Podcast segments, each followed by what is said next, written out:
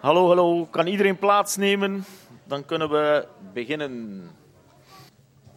Zo. Hopelijk dat iedereen een beetje uitgeslapen is. Dan wens ik jullie allemaal een gezegend en een vreugdevol nieuwjaar. We hopen dat het echt vreugdemol mag zijn. We verwachten ook de Heer in het komende jaar. En ik denk, ik kom ook een beetje dat ik beïnvloed ben door de Bijbelstudie van openbaringen, maar dat het mij toch bewust ben dat Jezus elke dag kan terugkeren. En ik wil vandaag beginnen met Psalm 11 voor te lezen. Een psalm van David voor de koorleider. Ik heb tot de Heere de toevlucht genomen. Hoe kunt u dan zeggen tegen mijn ziel, vlucht weg naar uw bergen als een vogel? Want zie, de goddelozen spannen de boog. Zij leggen hun pijlen op de pees en om in het donker te schieten op de oprechten van hart. Voorzeker, de fundamenten worden omvergehaald. Maar wat kan de rechtvaardige, wat kan de rechtvaardige dan doen? De Heere is zijn heilige paleis. De troon van de Heere staat in de hemel. Zijn ogen doorzien, zijn blikken beproeven de mensenkinderen. En de Heere beproeft de rechtvaardige, maar zijn ziel haat de goddeloze en wie geweld liefgeeft. Hij zal op de goddelozen valstrekken, vuur en zwavel doen regenen. Een verschroeiende stormwind zal het deel van hun beker zijn. Maar de Heere is rechtvaardig. Hij heeft rechtvaardige daden lief en de oprechten zullen zijn aangezicht aanschouwen. Als we die psalm een beetje lezen, dan zien we dat er gezalfd wordt, maar ook, uh, ik het moet zeggen, maar harde woorden wordt gesproken. Maar het gaat mij feitelijk om de eerste twee, twee versen waar er staat, ik heb de Heere tot toevlucht genomen, hoe kunt u dan zeggen tegen mijn ziel, vlucht weg?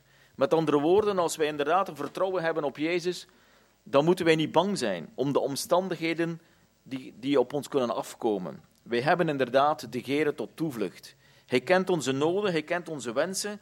En ik hoop dat dat ook in het komende jaar zo mag zijn, dat we toch een vertrouwen hebben in de Heer, ondanks wat er op ons afkomt, dat we kunnen zeggen, de Heere is mijn toevlucht. Ik hoef niet te vrezen. Zoals David, de man Gods, en ook iemand die in veel benauwdheden heeft vertoefd, dat hij zulke, zulke mooie woorden mag spreken. En ik hoop dat dat ook voor ons zo mag zijn. Zo, we gaan beginnen met de dienst. We gaan eerst vier kinderliederen zingen, dan komt Ruud naar voren. En dan, ik denk dat uh, Jurgen de preek heeft vandaag. Is een klein beetje nerveus, maar dat heeft niet. Dus laten we de dienst openen in gebed. Vader, we danken u, Heer, dat we inderdaad deze woorden ook voor het komende jaar tot ons mogen nemen. Dat we inderdaad een toevlucht zoeken bij u. En dat we inderdaad niet bang hoeven te zijn. Ook wat er op, op ons afkomt of wat mensen durven zeggen. Heere, u bent onze God, onze Vader, onze Heiland. En we danken u dat we die zekerheid hebben. Heere, zegen ook deze dienst van morgen. Dat het ook mag zijn tot lof en eer van uw grote naam. In de naam van Jezus vragen we dat. Amen. Het is een nieuw jaar, maar ook een nieuwe maand. En dat wil zeggen een nieuw kinderlied van de maand. Maar we gaan eerst eens testen of jullie de liedjes van september, oktober en november nog kennen. Ik ga ervan uit dat jullie die van vorige maand wel nog heel goed kennen. En daarna gaan we het nieuwe lied van de maand leren.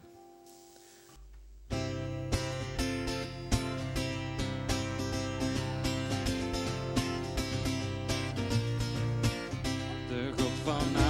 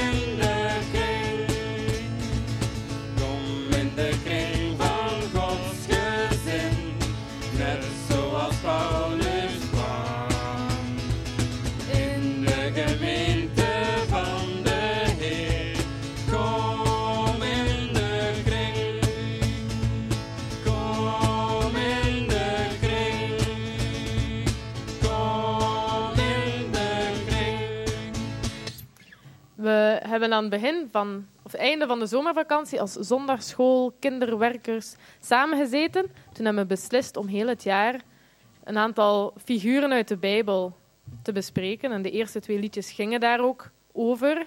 Over al die verschillende mensen in de Bijbel. En er zijn er nog veel meer.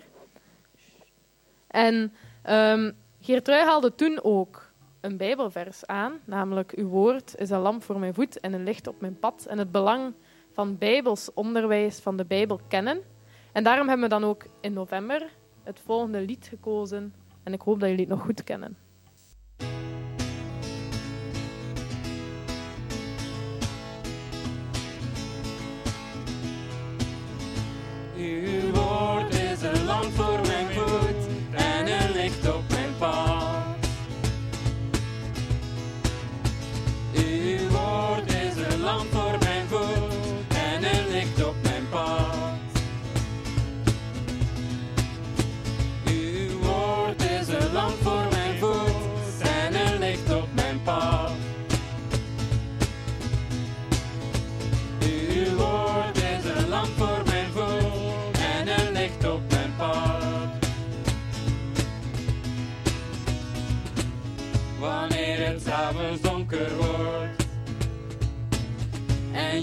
Hand voor ogen ziet, dan doe je ook een lichtje aan, zodat je ziet waar je kunt gaan.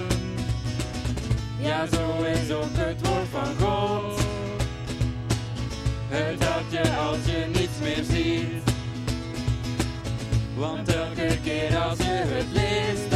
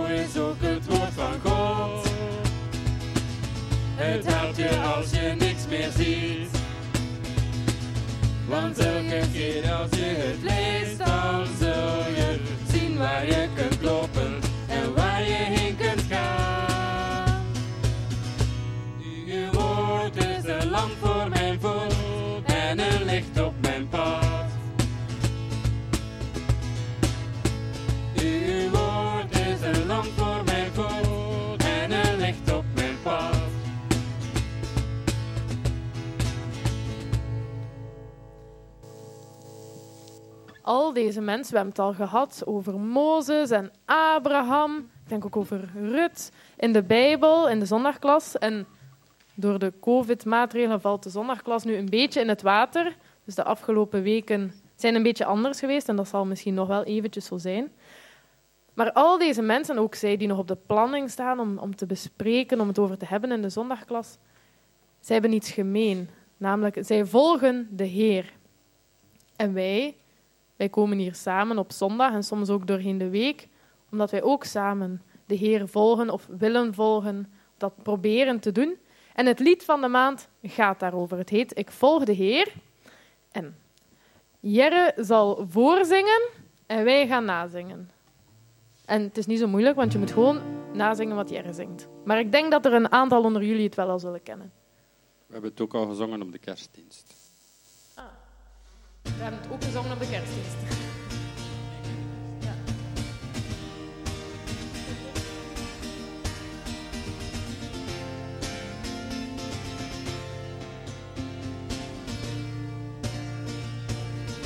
Ik volg de Heer,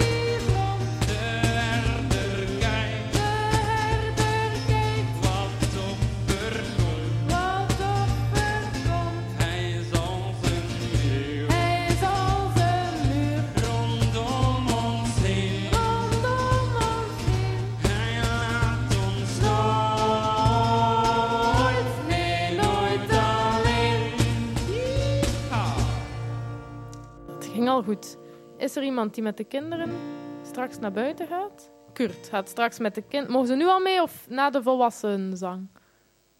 N- Jullie mogen nu al mee met Kurt naar het park. Dus doe maar jullie jas aan.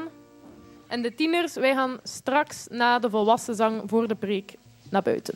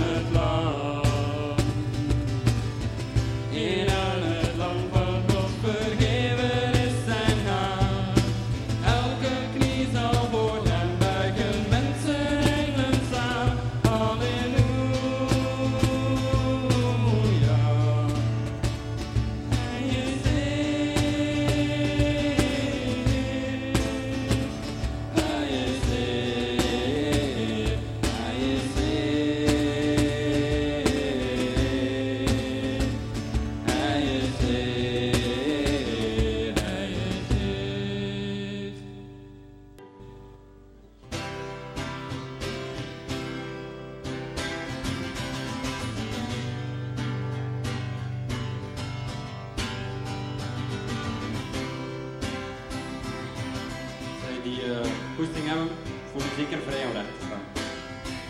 Of in kanon te zingen, dit liedje past het niet.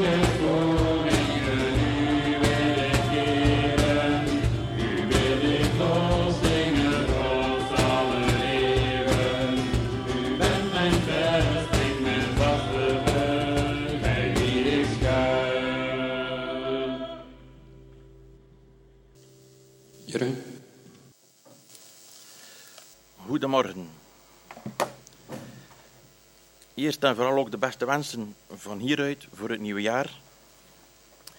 Maar misschien toch even dit, iets, een overdenking dat ik toch iets met jullie ehm, wil mededelen. En hoe God werkt, hoe de Heilige Geest werkt. Eh, Toch een ervaring die ik mocht meemaken om toch hier vooraan te komen staan. Ik ben namelijk gestart ehm, hier in Kortrijk met de cursus ETS. Maar jammer, oh, helaas gaat het niet meer door omdat we te weinig kandidaten hebben. Nu, een van de eerste boeken dat we doornamen was het boek Habakkuk. Drie hoofdstukken lang, heel boeiend. Moet je thuis maar een keer voor jullie een keer lezen. Staat er heel wat in. Nu, ik dacht voor bij mezelf, ik zou dat wel een keer kunnen meenemen naar het nieuwe jaar toe, om het boek Habakkuk met jullie te kunnen delen. Ik heb me daar een tijd lang mee bezig gehouden en deze gedachte overgegeven aan God. Wat moet ik daarmee verder? Nu, na een tijdje kwam vanuit de pottenbakker een mail of dat ik ook een wilde deelnemen ehm, voor een keer ja, een bemoediging of een preek door te geven hier de zondagmorgen. Ik heb dat een beetje laten rusten, want wie ben ik om hier te staan? Ik ben geen predikant, ben geen theoloog en een heel klein hartje om hier vooraan te komen stemmetjes die mij aanklagen om stil te zijn. Hij worstelt ten gevoel van, wat moet ik nu? Maar goed, toch op het voorstel ingegaan en me opgegeven. En wie kwam als eerste aan bod voor het nieuwe jaar? Zo zie je maar hoe God werkt, hoe God leiding neemt. Dat zijn toch bemoedigingen dat je krijgt van God. Ik wou dat even meegeven, dat dit toch een ervaring is van wat mij tot hier bracht. Laten we eerst bidden. Dank u wel, Vader, Heer, voor deze dag. Dank u wel, Vader, voor het nieuwe jaar, Heer, die voor ons ligt, Heer. We krijgen ook nieuwe uitdagingen, Heer, dit jaar, Heer. We vragen u, Heer, dat u bij alles wilt zijn, Heer. Zegent u ieder van ons, Heer, individueel. Zegent u ook, Heer, de gemeente, Heer. Ja, Vader, dat we een licht mogen zijn, Heer, in de komende jaar, Heer, ook de komende tijden, Heer, Vader. In uw naam, amen. Gemeente, we zijn intussen al de tweede dag van het nieuwe jaar. En wij mogen hier vrij blijven en altijd samenkomen voor het aanzicht van de Heer. Een nieuw jaar ligt voor ons. De kalender heeft terug een dekpak met blaadjes. Een jaar met nieuwe uitdagingen ligt voor ons. En traditiegetouw nemen we ook altijd een aantal voornemens. Wat kan veranderen of wat kan verbeteren en noem maar op. Een vraag die daarbij heel makkelijk bij ons opkomt is, wat zal dat jaar ons brengen? Zal deze wereld haar einde bereiken? De aarde mag er nog zo prachtig uitzien vanuit de ruimte, maar hier gebeuren onrust, milieuvervuiling enzovoort. Allemaal vreselijke dingen die een pikzwarte, pikzwarte schaduw op de aarde werpen. De wereld lijkt een zwarte kogel met een lont dat bijna is opgebrand. Met andere woorden, de wereld is een tijdbom. Wat zal de toekomst ons brengen? Voor onszelf, ons gezin, voor ons land, maar ook voor ons als gemeente. Als je daarover denkt, kom ook waarom vragen. Waarom vragen zijn uiteindelijk toch ook niet nieuw. Allemaal vragen waarop wij het antwoord schuldig moeten blijven. Ieder kan er zijn eigen verhaal bij vertellen. Maar als wij ons in ons op God zouden zien, op God zijn trouw en de belofte die Hij gegeven heeft in Matthäus hoofdstuk 28, vers 20. En zie, ik ben met u al de dagen tot aan de verleiding van de wereld. Dan komen er te de midden van de zorg en de vrees die hart vervullen toch hoop en verwachting. Dan mag je er zekerheid van hebben dat God ook dit jaar het werk van zijn handen niet zal laten varen. Het schriftwoord dat we daartoe gaan overdenken vinden we terug bij profeet Habakkuk, een van de kleine profeten. Ook Habakkuk stelde zich al vragen. In mijn Bijbel staat er bij Habakkuk een kleine aantekening die ik erbij geschreven heb van Heere, wat gebeurt er? Als we kort door Habakkuk gaan, lezen we hoofdstuk 1 en 2 over het wortelen met God. Ik lees daar een stukje uit. Ik zal niet alles lezen, tot je rustig eens thuis. Hoofdstuk 1, vers 1 tot 4 en dan hoofdstuk 1, vers 12 tot 14. Dus hoofdstuk 1, vers 1 tot 4 en hoofdstuk 1, vers 12 tot 14. Here, hoe lang roep ik om hulp en luistert u niet? Roep ik tot u geweld en verlost u niet? Waarom doet u mij onrecht zien en schouwt u de moeite? Ja, verwoesting en geweld zijn tegenover mij. Er staat oneenigheid, ruzie verheft zich. Daarom verliest de wet zijn kracht en komt het recht nooit meer tevoorschijn. Want de, want de goddeloze omsingelt de rechtvaardige. Daarom komt het recht verdraaid tevoorschijn. Bent u niet van oudjes, heren? Mijn God, mijn heile, wij zullen niet sterven. Heren, u hebt het gesteld tot een oordeel. Rots, u hebt het hem gegrondvest om te straffen. U bent rein van ogen om het kwade te aanzien. Moeite kunt u niet aanschouwen. Waarom aanschouwt u wie trouwloos handelen? Zwijgt u wanneer een godloze hem verslindt die rechtvaardiger is dan hijzelf? U maakt de mensen als vissen in de zee, als kruipende dieren die geen heerser hebben. Habakkuk, hij leefde in een tijd van crisis en chaos. Hij stelde doordachte vragen aan God. Hij schreeuwde het uit en was heel beroerd. Hij ging in gebed, was ongeduldig en kwam in verwarring. De eerste stap van Habakkuk in het omgaan met het onrecht is dat hij God duidelijk maakt wat hem dwars zit. Boos, bang of bezorgd, zo kan men regeren als het kwaad hem of haar treft. Habakkuk was een man die aan God vastzat, die hem niet liet gaan, die het aandurfde in discussie met God te gaan en die het God niet losliet voordat hij een antwoord van God had. Zelfs al bevielen de antwoorden die hij kreeg hem niet altijd. Hij was bezorgd over Gods volk. Er werd zoveel onrecht aangedaan en hij klaagde bij God. Als Habakkuk de geest ziet dat Jeruzalem tot een puinhoop zal worden, dat akkers en wijngaarden verwoest zullen worden door de leer van de Galdeën, de gedachte dat er niets werd ondernomen, terwijl het met Jeruzalem gezien er ogen achteruit ging, was wel het moeilijkste verkroppen voor Habakkuk. Als hij daarmee naar God ging, bouwde hij zijn pleidooi zo zorgvuldig op. Hij wist dat Gods karakter altijd zichtbaar was, zijn houding en zijn handelen, en dat God zijn volk nooit zou vernietigen. Maar hij wist ook dat God wel moest straffen en ook wel een oordeel over de zonde moest uitspreken. Dus legde hij zijn klacht bij God neer over het feit dat God niets deed tegen het geweld en de corruptie in zijn heilige stad. Hij verwachtte dat God die trend om zou buigen, dat de heerschappij zou veranderen en dat God ook wet en orde zou herstellen. Nu gemeente, de situatie van Habakkuk is onze situatie niet. Zijn leven is ook ons leven niet. Zijn problemen zijn onze problemen niet. Maar die vragen van hem, die grote vragen van het leven, ze klinken zo bekend. Lijden, onrecht, dreiging. Habakkuk moet ermee aan de slag. Hij worstelt met God en zo wijst God ons een weg. God was zo genadig dat hij antwoord gaf op de boze reactie van Habakkuk. Maar die was totaal verrast en ontmoedigd. Het antwoord van God is absoluut niet wat Habakkuk had verwacht. Hij had vast gehoopt dat God op een of andere manier het recht weer zou herstellen. Maar in tegendeel, God gaf het kwaad bestraffen met een nog groter kwaad. De Galdeën, de Babyloniërs, zullen komen. Een groot opkomend volk dat in de nabije toekomst zelfs het machtige Egypte zou verslaan. Een volk dat komt om te plunderen en gevangen te nemen. Wel, wat staat er in vers 6 tot 9? Want zie, ik doe de Galdeën opstaan, dat grimmige en onstuimige volk, dat de breedte van de aarde doorkruist, om woningen in bezit te nemen, die niet van hem zijn. Schrikwekkend en ontzagwekkend is het. Zij recht in zijn hoogheid gaan van hem uit. Zijn paarden zijn sneller dan luipaarden, verder dan avondwolven. Zijn ruiters komen eraan in galop. Zijn ruiters komen van ver aangevlogen, als een arend die toeschiet om te verslinden. Ieder van hen komt om geweld te bedrijven. Hun gezichten oostwaarts gericht en men verzamelt gevangenen als zand.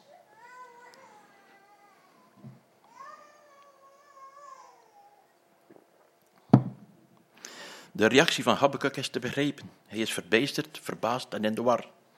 Hoe kunt u toestaan dat zo'n geweldig volk ons gaat overheersen? Hij confronteert God met hoe hij hem heeft leren kennen als de heilige, de rots, de God van recht, de goede schepper van hemel en aarde. Hij begrijpt de manier niet en vraagt zich af waarom zo, waarom met nog meer onrecht. Als we Habakkuk hoofdstuk 1, vers 12 tot 2 met 20 bij elkaar nemen, komen we eigenlijk tot een vaststelling van een vijftal antwoorden die God hem eigenlijk heeft. Doe je ogen open, wat verder open en kijk. Je staat vlak voor een gigantische verrassing. Ik heb iets voorbereid wat nog tijdens jouw leven zal gebeuren. Ik heb daarover niets tegen je gezegd, want je zou het toch niet geloofd hebben. Ik ben al begonnen iets te doen, maar je hebt het nog niet opgemerkt. God gebruikte de Galdeën als een tuchtreden. Hier zegt God eigenlijk tegen Habakkuk dat hij wel degelijk de wantoestanden in Jeruzalem heeft gezien en dat hij al begonnen is om de Babyloniërs te activeren, zodat die het volk van Juda kunnen komen straffen. Op dat moment was Babylon nog niet groot genoeg om de profetie geloofwaardig te laten klinken. Maar in de dagen van Habakkuk kwam die profetie bijna tot vervulling en was het dus niet verwonderlijk dat Habakkuk diep geschokt was. Habakkuk herinnert er God ook nog aan dat er nog een paar rechtvaardige mensen in de stad Jeruzalem zijn, die samen met de slechte mensen zullen omkoken. En ook al zegt hij dat niet openlijk, hij is boos over het feit dat God mensen gebruikt die veel slechter zijn dan in Juda. In de ogen van Habakkuk is dat onbeschrijfelijk. Hij gebruikt daarom de woorden, uw ogen zijn te zuiver om het water te kunnen aanzien. Habakkuk probeert hier duidelijk te maken dat, dat volgens hem dat wat God belooft niet strookte met zijn karakter. Het ging er eerder recht tegenin. Maar door dat zo te doen, zegt hij eigenlijk iets over God wat helemaal niet waar is, want God is puur en heilig. Habakkuk heeft zijn eigen visie op wat God wel en niet zou willen, maar hij zit ernaast. Want als wij naast Habakkuk staan, wat herkennen we dan? Wat zouden we van hem kunnen leren? Ik denk dat we, hem, dat ons gemakkelijk kunnen herkennen in zijn woede over onrecht. Kijk maar als je het journaal opent, de krant leest. Heel wat onrecht en geweld is er zo om ons heen. Dan zien we verder op hoofdstuk 2, vers 1, wat Habakkuk gaat doen. Ik ga op mijn wachtpost staan. Dat is een opvallende stap die Habakkuk doet. Ik ga nu op mijn wachtpost staan. Ik ga wachten op het antwoord van God. Ik kom er zelf niet meer uit. Ik heb het bij de Heer neergelegd, mijn vragen, mijn zorgen, mijn angsten, mijn klachten. Ik ga, ik ga wachten op het antwoord van God. Ik denk dat het ook een stap van geloof is om te zeggen: Ik ga op mijn wachtpost staan. Ik ga uitkijken naar het woord van de Heer. Heer, ik stel mij open voor wat u heeft. Ik verwacht het van u. De wijsheid, de kracht, de moed, de vrede. Gemeente, onze wachttoren is het bed, het gebed, het biddend leven. Het leven met God, het is een stap van geloof. Ik ga op mijn wachtpost staan. Ik ga uitkijken naar de reactie van God. Een mens draait zichzelf steeds vast in de eigen cirkels. We raken verstrekt in de gebeurtenissen van het leven. We worden meegezogen in de gebeurtenissen en bewegingen in de wereld. Of je wordt in beslag genomen door je eigen vragen. Al je gedachten draaien op één en hetzelfde. Het is een geloofstap om je dan op God te richten. Een geloofstap om dan tegen God te zeggen: Heer, ik sta open voor uw antwoord. Ik ga op mijn wachtpost staan. Zo doet Habakkuk het. Zo laat God iets zien waar de weg begint en wij niet kapot hoeven te lopen op de vragen. Misschien zit er een blinde muur en verderop een raam of een deur. Dat zie je alleen maar als je een stap achteruit doet. Als de Heer openheid geeft om om, om, om je heen te kijken. Dat kun je niet zomaar, daar gaat een tijdje overheen. Leg je vragen dus maar neer bij de Heer.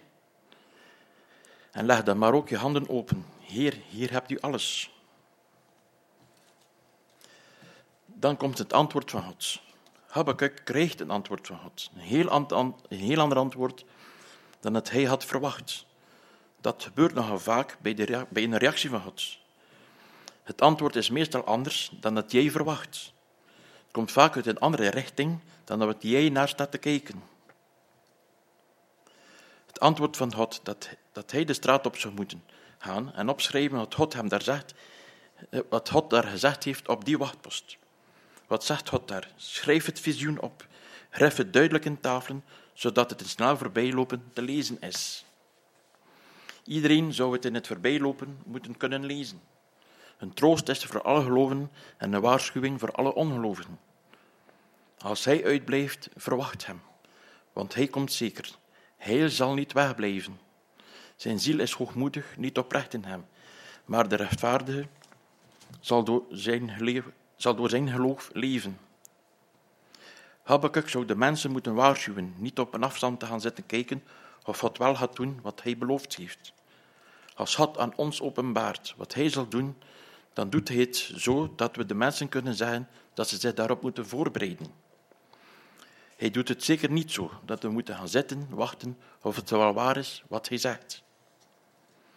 Habakkuk krijgt een antwoord op zijn grote vragen, maar het is een beetje een raadsel. Dat geldt vaker dat je over Gods woorden moet gaan nadenken. God is zoveel anders dan wij.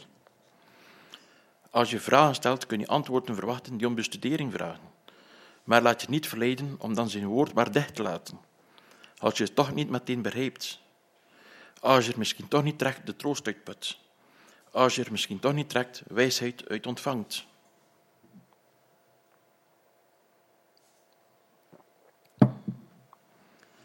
God vindt het antwoord ook zo belangrijk, dat iedereen het moet kunnen lezen, op die stenen plaats, maar de rechtvaardige zal leven door zijn geloof.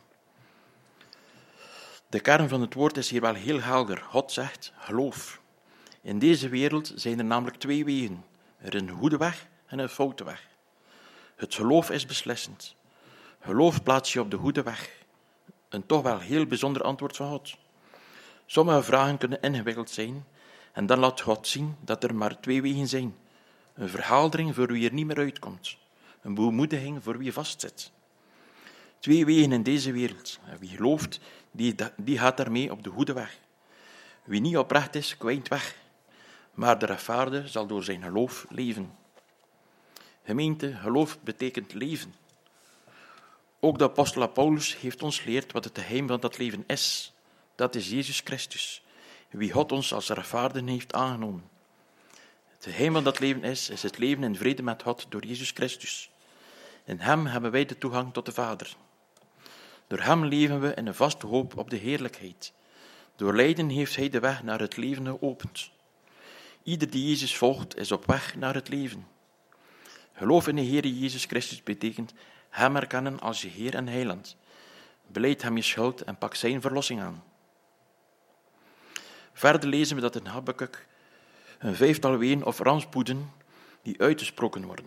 Een wee eh, of een ramp die iets laat zien van het onrechtvaardige leven. Een aantal redenen waarom de Babyloners zich Gods wraak op de hals zullen halen. Wee hem die vermeerdert wat niet van hem is, die gepandgoed op zich laat, of diegene die hebzuchtig is en naar rijkdom verlangt.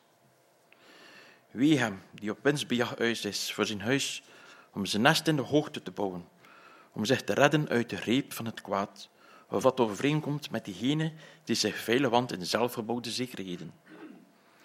Wie hem die een stad met vergoten bloed bouwt, die een stad op onrecht grondvest, die zich bezighoudt met de nutteloze dingen. Wie hem die zijn naaste te drinken heeft, u die uw verhef daaraan toevoegt, en hem ook dronken maakt om hun naaktheid te aanschouwen. Met andere woorden, die zich vrolijk maakt over het leed van de ander.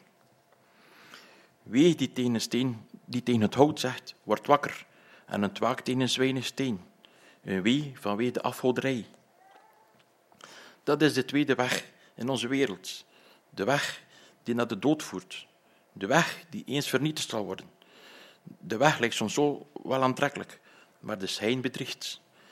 Hij heeft geen blijvende waarde. Het is ons enkel tot een waarschuwing. God beantwoordt het betoog van Habakkuk door te zeggen dat de goeden zullen overleven en dat de slechten zullen moeten lijden. God is niet blind. Hij heeft het echt wel gezien wat er allemaal gaande is. Gods antwoord maakt het voor ons tot een bemoediging. En wel deze bemoediging, dat bij de Heer het recht heilig is. Wat kwaad is, zal Hij bestraffen. Wat onrechtvaardig is, zal Hij rechtzetten. Het zijn niet alleen de menselijke tegenstanders zoals de dagen van Habakkuk. Hij sprak ook over de beruchte Galdeën, die door het volk Israël heen wanselen. Maar voor de Heer is het, is het een principe. Goed en kwaad worden niet gemengd. Eens zal Hij een streep trekken en eens zal Hij alles eens verwijderen. Dat is voor ons toch een bemoediging. Al, die, al diegenen die weten dat hun leven niet volmaakt is, waarvan we weten dat, wij ook, dat wij ook niet altijd goed handelen, maar met ons leven mogen schuilen bij Jezus.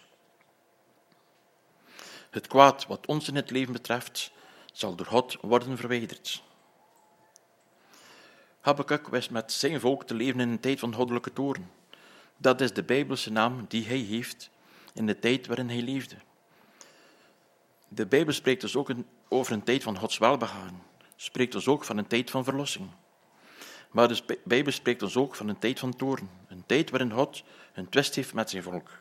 In zo'n periode leefde Habakkuk. In zo'n periode leven ook wij, dat wij in een tijd van Gods toorn leven. Dat bewijzen in de tekenen van de tijd en van wat het zich allemaal rondom ons heen afspeelt. We bemerken dat bijvoorbeeld aan de vermenigvuldiging van de onrechtheid, waarin het woord wordt bevestigd. Want in Matthäus 24, vers 12 staat er, en omdat de ongerechtigheid vermenigvuldigd zal worden, zo zal de liefde van velen verkouden. We zien dat overal gebeuren. Mensen voelen zich zo groot en sterk, dat ze God niet meer nodig hebben en zich een steeds gruwelijker genot, zucht overgeven, waarbij de boze lusten van de mens de enige regel voor zijn leven schijnt te zijn. Gods woord laat zien hoe de werkelijkheid eruit zal zien en waarop het uitloopt. Het is een profetie die eens in vervulling zal gaan, maar zover zijn wij nog niet. We leven nog in een tijd waarin het kwaad goede mensen treft, waarin lasten zwaar drukken op de schouders. Gemeente, duurt dat nog lang? Voor ons wel ja. De Heer zei het in Habakkuk. Visioen wacht tot zijn tijd is gekomen. Gemeente, het komt. Het woord had in vervulling. Het staat in onze Bijbel. Daarom moest het Habakkuk het graveren in een tafelen, zodat de mensen er steeds weer aan herinnerd worden. Het komt zeker, verwacht het met spanning. Stel je erop in en kijk er naar uit. De definitie van de vervulling staat nog open. Wat hij, doen, wat hij zal doen. God opent de toekomst. In hem ontvangen we het eeuwige leven. Door zijn bloed heeft hij de vrede gebracht. Voor Habakkuk leidde dit tot een onwaarschijnlijke lofzang aan het eind van hoofdstuk 3. Misschien dat we dat nog samen kunnen lezen.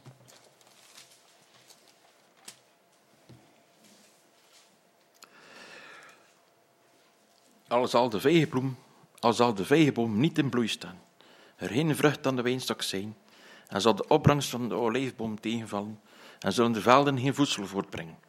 Al zal het kleinvee uit de kooi verdwenen zijn, en er geen rund de stallen over zijn. Ik zal toch in de Heere van vreugde opspringen, mij verheugen in de God van mijn heel. De Heere, Heere is mijn kracht. Hij maakt mijn voeten als die van henden, en hij doet mij treden op mijn hoogten. Gemeente, Op de wachttoren van het gebed krijg je inzicht in Gods plan en begin je in Jezus Christus het ware en eeuwige leven. Zo, kunnen we afsluiten met gebed. Dank u wel, vader, dat wij een eh, stukje mochten overdenken en uit uw woord, vader. Mogen wij dat hier aan overdenken, Heer, voor ons in ons persoonlijk leven. En uh, ja, vader, eh, sowieso ook in het nieuwe jaar komt er moeilijke tijden, Heer. Mogen we dat samen, Heer, met de gemeente, met elkaar dragen, Heer. Wat er ook in onze levens uh, omgaat.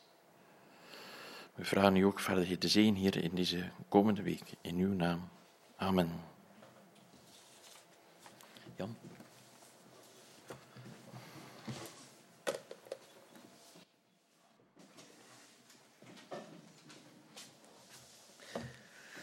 Oké, bedankt Jurgen. En ik wil misschien nog uh, die versen van hoofdstuk 2 aanhalen, omdat het toch wel een, echt een geloofshouding van Habakkuk mag zijn, ook voor ons. Namelijk de volgende versen. Ik ging op mijn wachtpost staan, nam mijn plaats in op de vestingswal en ik keek uit om te zien wat hij in mij spreken zou. Ik denk, vaak bidden we en vaak verwachten we het niet. Maar hier wil Habakkuk, zoals we het zo mooi hebben uitgelegd gekregen, verwachten van God. Verwachten we inderdaad nog de dingen van God of zijn we in ons gebedsleven zo lauw dat we het inderdaad niet meer verwachten? Ik hoop dat we in het komende jaar echt zo'n gebedshouding mogen hebben. In de Bijbel staat er ook dat we niets hebben omdat we het niet verwachten. En we krijgen niet alles wat we verwachten natuurlijk, maar ik hoop, en dat is mijn verlangen, dat het ons gebedshouding was, onze geloofshouding van Hij is de Heer. En ik heb het al zo vaak gezegd, hebben we het ook vandaag weer gehoord. Hij is een God die leeft. En iets die leeft, dat beweegt, dat zet in gang. En God zet dingen in gang. We hebben een levende God, mensen. En misschien kunnen we nog een tijd van gebed samen nemen. Daarna gaan we nog afsluiten met een aantal liederen. Maar misschien kunnen we eerst een tijd van gebed samen nemen. En ik zal dan afsluiten.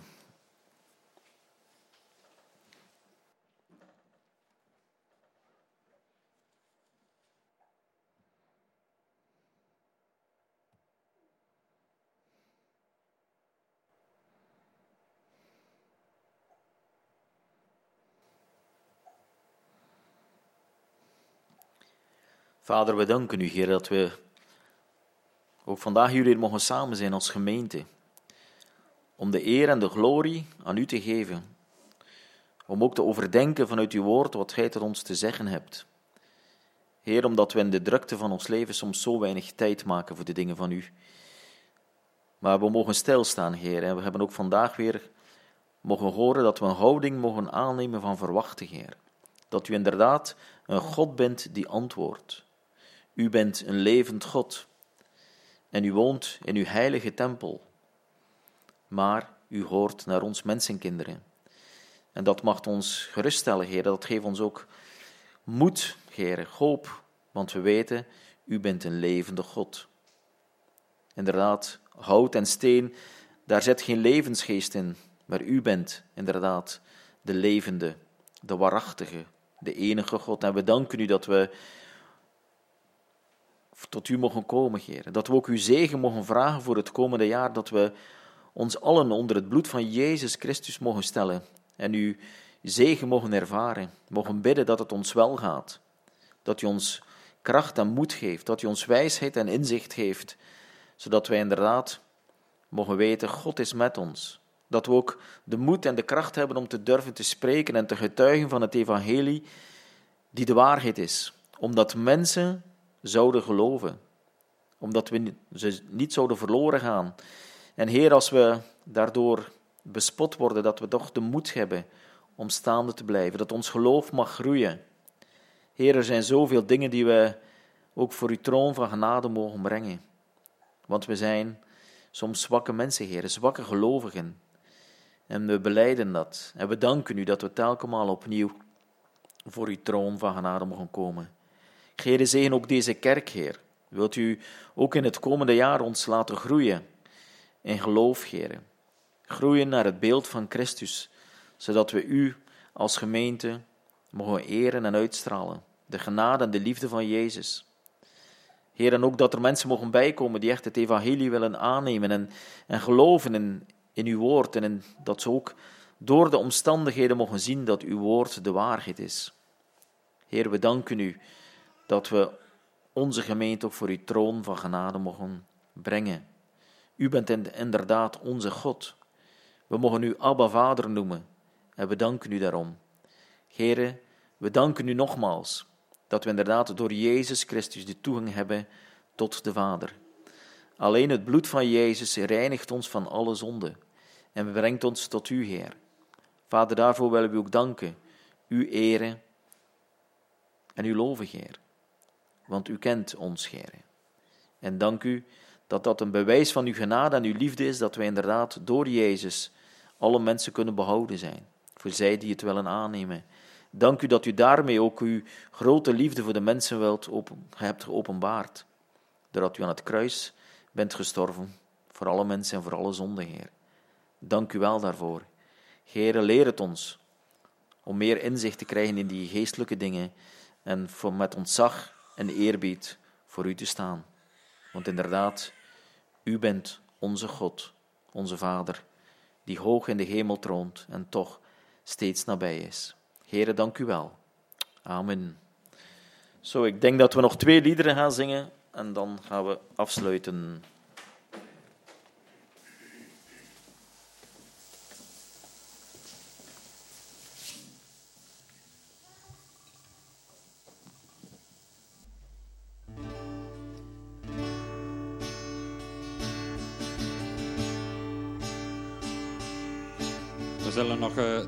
Liederen zingen. En eh, probeer erop te letten dat je Jezus de, de eer geeft dat hij toekomt.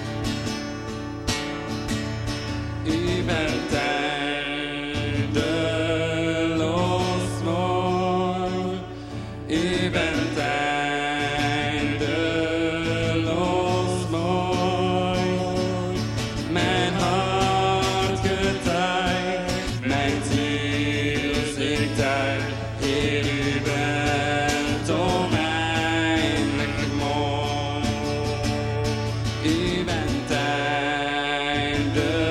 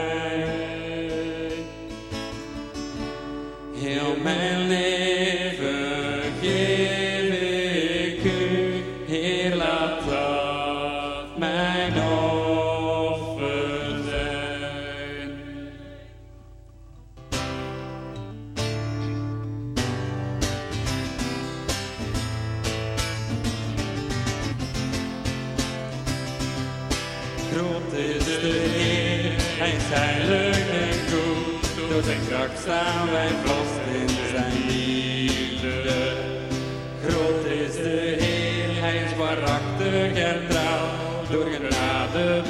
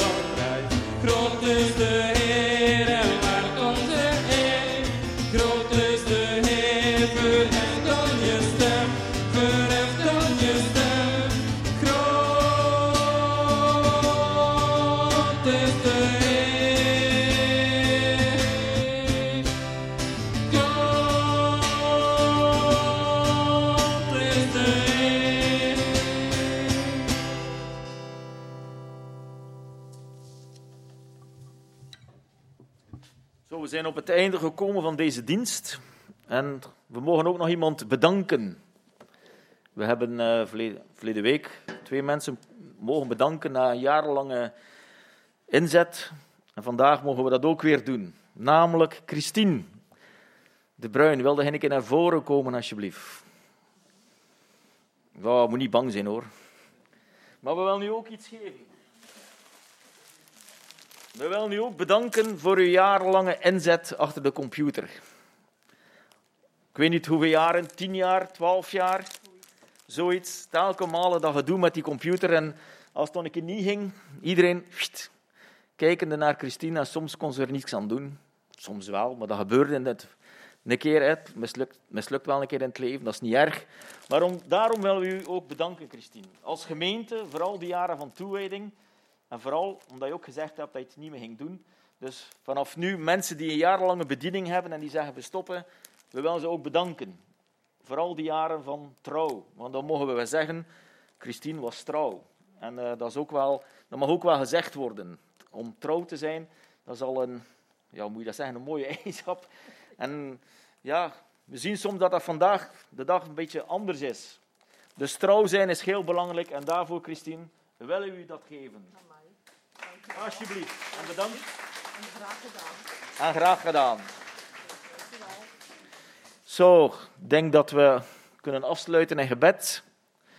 En dat het, ja, het komende jaar misschien net zo mag zijn zoals het verleden jaar.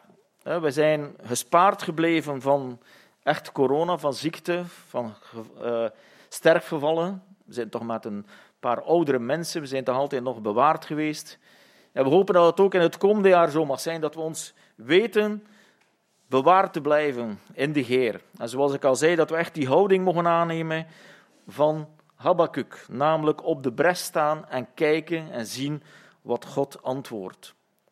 Zo, Vader, we danken u ook weer voor deze dienst. We danken u voor uw woord, voor uw bemoediging tot ons allen. En wilt u ons de komende week zegenen, Heer. Wilt u ons inderdaad de kracht en de moed geven om te zien op u, ondanks de omstandigheden die niet altijd goed zijn. Maar wilt u ons ook de kracht en de moed geven om, om te getuigen dat gij inderdaad een levende God zijt. En dat wij daarvan ook mogen aan broeders of aan collega's of aan vrienden of aan familieleden mogen van getuigen, Heer.